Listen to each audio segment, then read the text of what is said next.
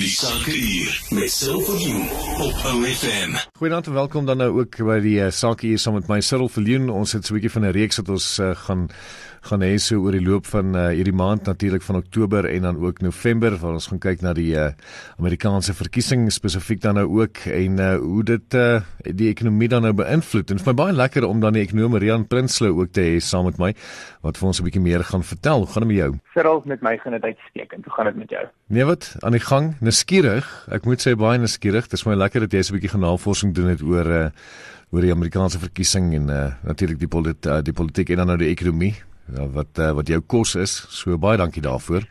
Ja, dis eintlik ek meen dit het so groot impak op ons almal want jy weet wat in Amerika gebeur ons gesels so gereeld en dan sê ons rentekoers in Amerika doen dit en die impak op Suid-Afrika is X So ek dink dat jy weet ons Suid-Afrika is maar 'n baie klein, baie oop ekonomie. So wat in die wêreld se groot ekonomie gebeur en en en um, aan die gang is, het regtig 'n baie groot invloed op ons. Maar as kom ons kyk heel eerstens uh, die grootte, die Amerikaanse verkiesing self. Kom ons kyk of ons hom beter kan verstaan. Heel eerstens partye. Hoeveel partye is daar? Hoe werk dit? Ja, so dit is interessant, né? Nee? In Amerika is daar eintlik maar net twee groot partye. Dis die Demokrate of die Blou Party en uh, hulle word ook soms verwys as die donkie, dis hulle embleem. En dan sal die Republikeine, dis natuurlik waar Donald Trump vandaan kom, so voor hom was was Obama aan bewind. Obama was 'n demokraat en uh, Trump is natuurlik 'n republikein. Hulle is tipies bietjie meer konservatief, maar ek dink ons sal 'n ander episode oor oor hulle style en so voort bietjie gesels en dan hulle staan bekend as die olifante of die rooi party. Jy kry ook in die uh, um, independents, dis nou ouens wat self op hulle eie gaan hardloop en nie aan 'n party behoort nie. Maar tipies is daar maar twee groot partye en um, ons sal nou nou raak aan hoekom, maar dit is my regtig interessant dat hoe die hele stelsel werk maak dat dit eintlik die hele stelsel forceer dat daar net twee partye kan wees. Dit is reeds so hoe loop die proses dan nou om 'n kandidaat te verkies? Ja, wat wat nogals interessant is van die Amerikaanse proses is hulle kies nooit net direk 'n kandidaat soos ons doen in Suid-Afrika nie. In Suid-Afrika gaan ons en ons stem vir daai kandidaat en van daar af jy weet en dan word of en ons stem vir vir 'n party en hulle word verkies. In Amerika werk dit nie so nie. So die proses begin en jy sal dalk op in in in films en so gehoor het of op die nuus gesien het dat hulle praat altyd van die caucuses en die primaries en dit is nou waar jy gaan. 'n Caucus is jy staan sommer so in groepe dan deel die groep op en dan ehm um, die dan dan dan en as hoe meer die mense in 'n groep staan vir een persoon dan dan kry hulle afgevaardigde stemme of 'n primary is waar jy gaan stem en jy's nou lid van 'n party en jy gaan stem vir wie jy dink die kandidaat moet wees. En dan wat gebeur is op 'n staatsvlak en op 'n op 'n op 'n substaatsvlak op 'n geografiese vlakke gaan hierdie afgevaardigdes dan en hulle kom almal bymekaar by die party se groot konferensie. En by hierdie konferensie, dis natuurlik hierdie dele wat jy in in rolprente sien waar al die ballonne so val en dis is hierdie klomp toesprake ensovoorts en by die konferensie word die persoon dan nou aangewys wat vir die party gaan staan. So dit is nou wat nou onlangs gebeur het en waar waar die demokrate byvoorbeeld besluit het dat Biden nou hulle kandidaat is, die man wat kan. Alrite. So 3 November dan nou? So op 3 November kom mense reg oor die land, dis nou hulle nasionale verkiesing en dan gaan mense reg oor die land en hulle gaan stem vir hulle kandidaat. Maar weer eens stem hulle nie eintlik vir hulle kandidaat nie.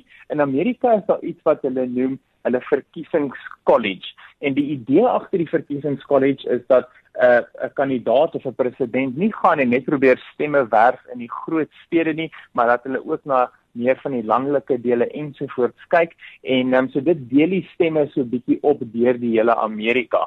En uh, dit is nogals interessant hoe hoe die stemme werk. So wat dit, dit effektief gebeur is en dis ook nou op 'n staatsvlak wat effektief gebeur is elke staat het 'n hoeveelheid um, mense in die verkiesingskollege en um, wat dan gebeur is die staat stem in hierdie of almal in die staat stem en ehm um, die persoon wat die die persoon wat die meeste stemme in die staat kry, kry dan al die setels. So kom ons sê, kom ons vat 'n praktiese voorbeeld.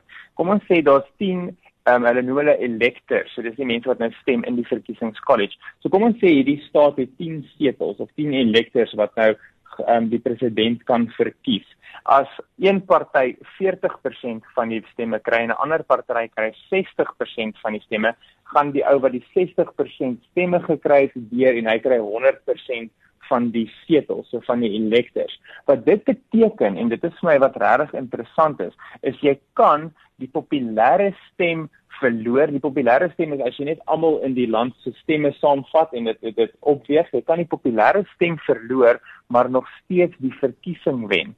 En ek het gedink dis net nogal so. interessant. Wow, alright. Okay, so swaai state, ek bedoel ek het nou al 'n paar keer uh, wat ek die verkiesings en so aan dopgehou het en dan hoor mense altyd jy weet daar was swaai state gewees. Wat presies behels dit? So soos ek genoem het, daar's ehm um, daar's eintlik 538 verkiesingskollege stemme en jy kort se 270 van hierdie stemme om te wen en in baie state stem die mense maak nie regtig saak wie die kandidaat is nie hulle stem of republikein of hulle stem demokraat en en daar's 'n redelike idee van hoe hierdie storie homself gaan uitspeel. Maar wat in soms tye of so baie kere gebeur is dat die state is redelik naby aan mekaar. So die hoeveelheid republikein stemme en en die hoeveelheid demokratiese stemme is baie naby aan 50-50 En dan wat ons sien is dat die persoon die kandidaate wat gekies wil word regtig verskriklik baie tyd in daai state spandeer. In die vorige verkiesing toe Trump teen Hillary Clinton opgegaan het, was 2/3 van die verkiesingsveldtogte in net 6 state en alsite was dit die swaai state. En dit is hoekom dit so belangrik is. Dis regtig 'n groot bepalende faktor en wie gaan wen. Nou hierdie jaar is daar is dit lyk soos daar vyf swaai state gaan wees.